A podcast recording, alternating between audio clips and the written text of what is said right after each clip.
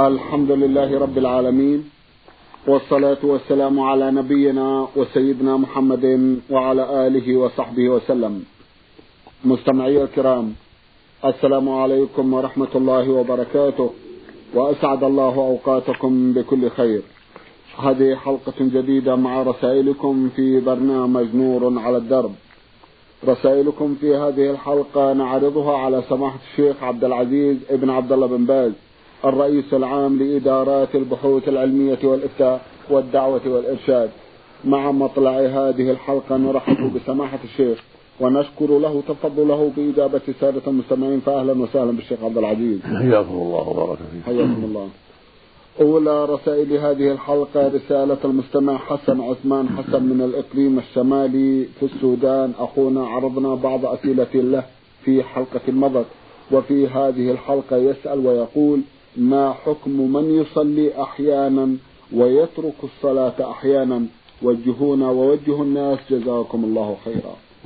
بسم الله الرحمن الرحيم. الحمد لله وصلى الله وسلم على رسول الله وعلى آله وأصحابه ومن اهتدى بهدى أما بعد فالصلاة هي أعظم أركان الإسلام بعد الشهادتين. وهي عمود الإسلام قد نزل فيها من الآيات الكريمات الشيء كثير.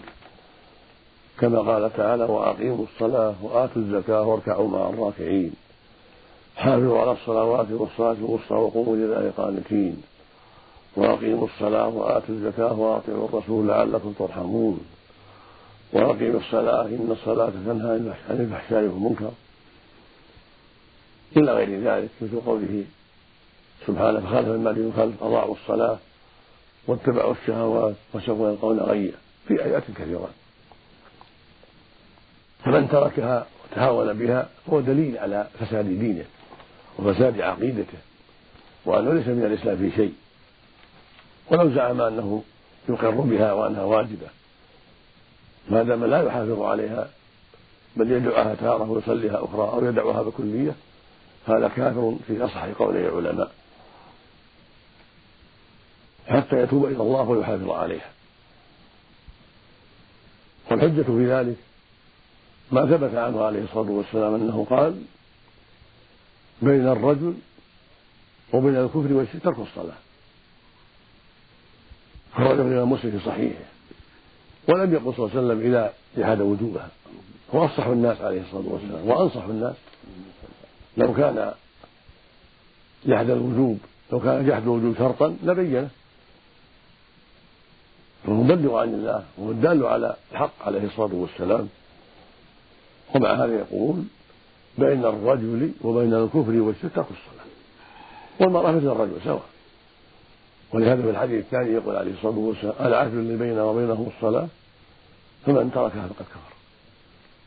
خرجه الإمام أحمد وأبو داود والترمذي والنسائي وابن ماجه بسند صحيح. عن بريدة بن حصين رضي الله عنه وهذا عام يعم الرجال والنساء ويعم من جحد الوجوب أو أقر بالوجوب. وأي فائدة في في إقرار بالوجوب إذا كان لا يصلي؟ يشفع به هذا الإقرار. إذا كان ضيعها وأهملها واتصل بالصفات المريض عنها. ولهذا يقول صلى الله عليه وسلم فيما تقدم العهد اللي بيننا وبينهم الصلاة فمن تركها فقد كفر. فالواجب على كل مسلم وعلى كل مسلمة العناية بالصلاة والمحافظة عليها والاستقامة عليها في جميع الأوقات خوفا من الله وتعظيما له وطلبا لمرضاته وحذرا من عقابه سبحانه وتعالى. وابتعادا عن مشابهة المشركين التاركين لها. وعلى الرجل مع ذلك أن يحافظ عليها في المساجد في بيوت الله مع إخوانه المسلمين لا يصلي في بيته. الصلاة في البيت فيه مشابهة لأهل النفاق. يقول النبي صلى الله عليه وسلم أثقل الصلاة على المنافقين صلاة العشاء وصلاة الفجر. ولو يعلمون ما فيهما لأتوهما ولو حبا يعني لأتوهما في المساجد. ويقول عليه الصلاة والسلام لقد هممت أن أمر الصلاة تقام ثم أمر رجل يصلي بالناس. ثم أنطلق برجال معهم حزموا من حطب. إلى رجال لا يشهدون الصلاة فأحرق عليهم بيوتهم. وما ذاك لعظم الخطر وعظم الجريمة في تركهم الصلاة مع الجماعة في مساجد الله فقال عليه الصلاة والسلام من سمع النداء فلم يأتي فلا صلاة له إلا من عذر وهذا وعيد شديد وجاءه رجل أعمى فقال يا رسول الله ليس لي قائد يلائمني المسجد فهل لي بالرخصة أن أصلي في بيتي؟ فقال له عليه الصلاة والسلام هل تسمع النداء بالصلاة؟ قال نعم قال فأجب رواه مسلم في صحيحه. وفي رواية أخرى خارج مسلم يقول صلى الله عليه وسلم لا أجد رخصة. فإذا كان رجل أعمى ليس له قائد يلائمه ليس له قائد يلائمه ومع هذا يقول له النبي صلى الله عليه وسلم أجب ويقول لا أجد رخصة. فكيف بحال الرجل البصير الصحيح الأمر عظيم. فالواجب على الرجال أن يتقوا الله وأن يحضروا الصلاة مع المسلمين في مساجد الله. فيها شعيرة عظيمة. يقيمها مع إخوانه في بيوت الله. ويظهر هذا العلم العظيم من أعلام الإسلام. ويجتمع بإخوانه ويشاهدهم ويتعاون معهم على الخير ويشجع الكسول. فإنه إذا صلى هذا في المسجد وهذا في المسجد وهذا تشجع الناس. وتعاونوا على الخير. وأدوا هذه الفريضة العظيمة في بيوت الله. وإذا كسل هذا وكسل هذا تابعه غيره من أولاد وإخوة وخدم وغير ذلك. فيكون عليه مثل آثامهم الذي في اقتدائهم به. لأنه قد دعاهم بالفعل إلى ترك هذه الفريضة في المساجد. فالواجب على كل إنسان أن يتقي الله وأن يراقب الله ويصلي في المسجد مع المسلمين وإن كان كبيرا في نفسه وإن كان تاجرا وإن كان أميرا فأمر الله فوق الجميع. الواجب على كل إنسان من المؤمنين أن يتقي الله وأن يراقب الله وأن يؤدي هذه الصلاة في بيوت الله مع إخوانه وأن يقوم على أولاده وخدمه حتى يصلوا معه في المساجد. هكذا مسلم يتقي الله ويوصي بتقوى الله ويلزم من تحت يده بتقوى الله. هكذا المرأة تعتني بذلك. تصلي تصلي الصلاة في وقتها وتعتني ببناتها وخادماتها وأخواتها. تقوم عليهن وتلزمهن بما أوجب الله عليهن من الصلاة في وقتها. ولعظم شأنها ولكونها عمود الإسلام. بين النبي صلى الله عليه وسلم أن من تركها كفر. حتى ولو أقر بالوجوب هذا هو الصحيح الذي عليه أئمة الحديث معروفون قال ذكره التابع الجليل عبد الله بن شقيق العقيلي عن الصحابة. قال كانوا لا يرون شيئا تركوه كفر. من الأعمال غير الصلاة. يعني لعظم شأنها. نسأل الله لإخواننا المسلمين ولنا جميعا الهداية والتوفيق. اللهم آمين. جزاكم الله خيرا. رسالة وصلت إلى البرنامج من الرياض وباعثها المستمع ميم عبد الله أخونا يقول إنني تزوجت امرأة وقد رزقني الله منها بولد وأنا أفكر في طلاقها من ثاني أيام العرس. سبب ذلك أنني لم أحضر لخطبتها. والسبب الثاني أنها كانت لا تصلي قبل الزواج. وبعد الزواج أمرتها تصلي فصلت وعندما سافرت للعمل قطعت الصلاة. سؤالي هل إذا طلقتها أكون آثم؟ وهل إذا صبرت عليها أكون مأجور؟ وهل هذا ابتلاء من الله عز وجل لعباده بهذا النوع من النساء؟ نرجو أن تفيدونا حول هذه القضايا. جزاكم الله خيرا. إذا كانت لا تصلي فالنكاح غير صحيح. ما دمت تصلي والحمد لله أنت فهي بتركها الصلاة تعتبر كافرة في أصح قول العلماء. ولو كانت تقر بالوجوب. فالواجب تجد العقد إذا تابت إلى الله وأنابت إليه توبة صادقة وأنت ترغب فيها يجدد العقد. أما الآن فالواجب عليك فراقها ما دامت تصلي إذا حضرت وتترك الصلاة إذا غبت هذه لا خير فيها. هذه فاسدة. عقيدتها فاسدة. وخوفها من الله معدوم أو ضعيف. تراعيك ولا تراعي حق الله. فهذه ينبغي فراقها وإبعادها. وأنت مأجور. بل واجب عليك طلاقها وإبعادها. لفساد دينها بسبب تضييعها الصلاة. وقد ذهب جمع من أهل العلم من أئمة الحديث وغيرهم من المحققين إلى كفر تارك الصلاة كفرا أكبر ولو أقر بوجوبها. مع أن إقراره بوجوبها في الغالب لا يكون صحيحا بل مجاملة. لو كان يقر بوجوبها يقر بوجوبها إقرارا صحيحا لما تركها. لأن إقراره بوجوب يدفعه إلى أن يصلي. ولكن عدم إقراره بالوجوب أو ضعف عقيدته في ذلك جرأته على تركها نسأل الله العافية. وهكذا المرأة. فالواجب عليك وعلى أمثالك تطليق المرأة التي لا تصلي وإبعادها. ومتى تابت توبة صادقة وشهد لها بالخير أمكنك أن أن تزوجها من جديد بعقد جديد. وهكذا المرأة التي عند زوج لا يصلي تبتعد عنه وتذهب إلى أهلها. ولا تبقى معه لأنه متى ترك الصلاة كفر. وهذه مصيبة عظيمة اليوم وقعت في الناس.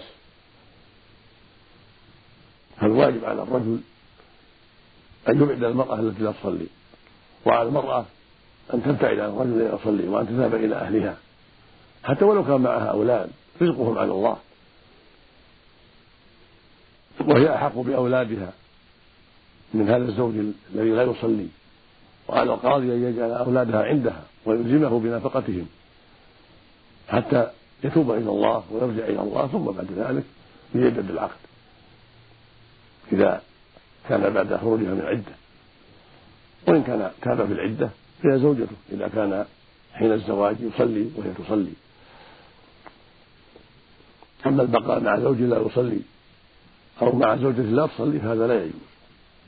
نسأل الله للجميع الهداية والتوفيق. نعم.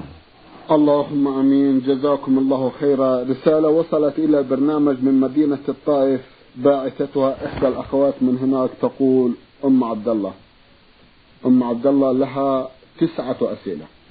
تسأل في سؤالها الأول وتقول أفيدكم بأنني ذهبت إلى العمرة وأنا امرأة مريضة وعندما دخلت إلى الحرم وطفت على الكعبة ثلاثة أشواط أصبت بدوخة ولم أستطع أن أكمل الطواف. ماذا يجب علي أن أفعل؟ عليك أن تكملي الطواف تستريحي ثم تكملي. فإن طال الفصل أعيديه من أوله. إذا طال الفصل وأنت في الدوخة تعيد الطواف من أوله. أما إذا زالت بسهولة وسرعة كمل الطواف والحمد لله. فإن طال الفصل تعيد الطواف من أوله. وإن أحدثت تعيد الطهارة ثم تبتدئ الطواف من أوله. والحمد لله. نعم. جزاكم الله خيرا. تقول أختنا إنني مريضة بالسكر والقرحة فإذا لم أستطع الصوم ماذا يجب علي أن أفعل؟ عليك مراجعة الطبيب المختص. إذا قرر الطبيب المختص أن الصوم يضرك فأفطري واقضي بعد العافية. إذا عافاك الله. تقضين بعد ذلك. وإن قرر الطبيب المختص أو الأطباء المختصون أن هذا المرض يضره الصوم دائما وأنه في ما يعلم فيما يعلمون المرض سوف يستمر ولا يرجى برؤه فإنك تفطرين وتطعمين عن كل يوم مسكينا والحمد لله. ولا علي وليس عليك الصيام. فاتقوا الله ما استطعتم. الحمد لله. ما نعم. حكم نطق الشهادة أثناء الوضوء في داخل دورة المياه؟ السنة إذا فرغ من الوضوء أن يكفيها خارج الحمام. لأنه ليس هناك ضرورة إلى أن يتشهد داخل الحمام بل إذا فرغ يخرج. ثم يقول أشهد أن لا إله إلا الله لا شريك له وأشهد أن محمدا عبده ورسوله. اللهم اجعلني من التوابين واجعلني من الطاهرين يكره أن يقول هذا في الداخل. أما عند بدء الوضوء يسمي ولو في الداخل. بسم الله ثم يتوضأ. لأنه محتاج إلى التسمية وقد أوجبها جمع من أهل العلم فلا يدعها. والكراهة تزول عند الحاجة. أما الشهادة فليس هناك حاجة إلى أن يأتي بها في الحمام يخرج ثم يأتي بالشهادة بعد ذلك. والحمد لله.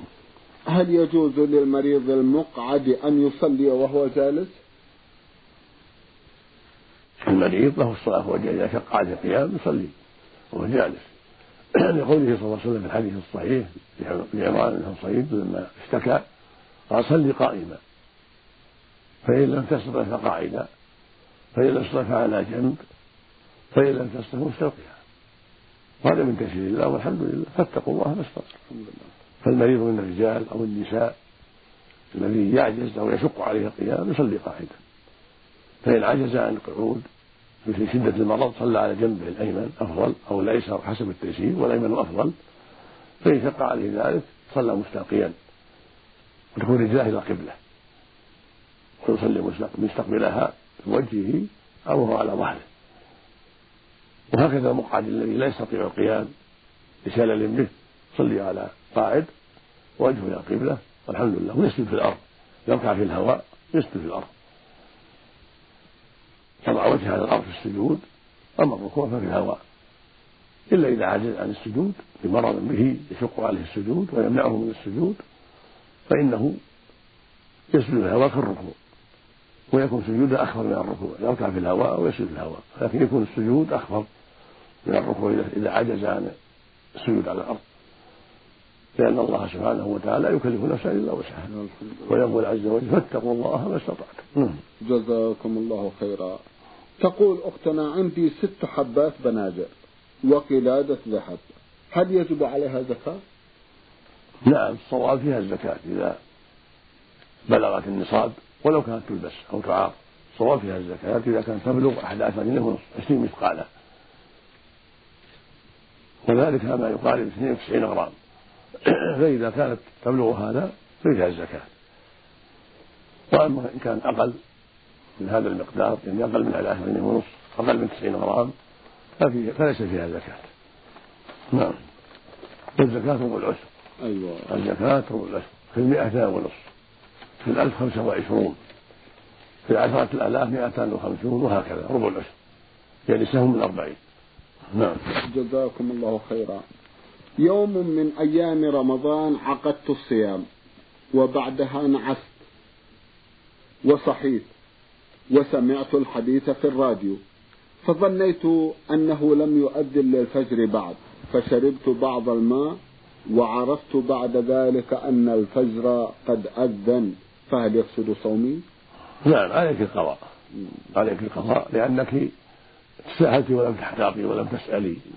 نعم. ما حكم السهو في الصلاة؟ السهو في الصلاة يقع من الناس حتى من الأنبياء. ولكن النبي بين صلى الله عليه وسلم حكم السهو. هو أقسام وأنواع. نعم. فإذا سهى المصلي عن الشهد الأول أو عن التكبيرات بعض التكبيرات التي غير التكبيرة الأولى غير تكبيرة الإحرام تكبير الركوع أو السجود أو نحو ذلك يسجد للسهو سجدتين قبل أن يسلم والحمد لله. إذا كان إمام أو منفرد. أما المأموم فلا يسجد بل هو تابع لإمامه. أما إن كان السهو شك بأن شك الرجل أو المرأة وهو إمام أو منفرد هل صلى اثنتين أو ثلاث من الظهر أو العصر أو المغرب أو العشاء يجعلها اثنتين. يعمل باليقين يعني بالعقل. ثم يكبر يسجد للسهو سجدتين قبل أن يسلم. فإذا شك في الظهر أو العصر أو العشاء هل صلى ثلاثة أم أربع تردد يجعلها ثلاث يحتاط. يبني على الأقل. ثم يأتي بالرابعة وإذا فرغ سجد سجدتين قبل أن يسلم. هذا هو المشروع في حقه فإذا نسيت الشهد الأول قام إلى الثاني ما الشهد الأول ناس كان هو إمام أو منفرد سجد للسهو بعد الفراغ قبل أن يسلم. وإن كان مأموم فليس عليه سجود بل هو تابع للإمام. نعم. جزاكم الله خيرا. أختنا تقول قبل خمس وثلاثين سنة ولدت لي ابنة في رمضان. وبعدها بسنتين ولدت لي ابنة في رمضان. ولم أصم سوى عشرة أيام. أفيدوني جزاكم الله خيرا. عن امرأة كما وصفت من حالي كبيرة في السن ومريضة. كيف أتصرف الآن؟ إذا عافاك الله تصومين الأيام اللي تركت. إذا عافاك الله عليك أن تصومي الأيام التي عليك من رمضان الأول ورمضان الثاني. وعليك مع ذلك يطعم مسكين عن كل يوم إذا كنت تساهلت في القضاء. مع قدرة. عليك يطعم مسكين عن كل يوم نصف صاع تمر. أو رز يعني كيلو ونصف تقريبا عن كل يوم يعطاه بعض الفقراء ولو واحد. تجمع ويعطاه بعض الفقراء فقير أو فقيرين أو أهل بيت الفقراء يكفي والحمد لله. أما إن كان التأخير من أجل المرض ولا ما تساهلت لكن المرض منعك من الصوم فعليك القضاء فقط وليس عليك إطعام بل تقديم الأيام التي تركت وليس عليك إطعام لأنك معذورة فإن كان المرض ملازما وقرر الأطباء أن هذا المرض ملازم أيوة. ولا يرجى بره ولا يرجى زواله فليس عليه قضاء. كالكبير السن الذي عجز عن القضاء. عليك إطعام مسكين عن كل يوم والحمد لله. مثل ما تقدم مسكين نص صاع تمر أو رز أو بر من قوت البلد. مقداره كيلو ونص تقريبا يعطاه بعض الفقراء والحمد لله. يجمع كله يعطاه بعض الفقراء. نعم. جزاكم الله خيرا. رسالة وصلت إلى البرنامج من الإخوة المستمعين حمزة وحسين عبودة وحسن موسى الكميلة من قبائل عرب محافظة مرسى مطروح جمهورية مصر العربية.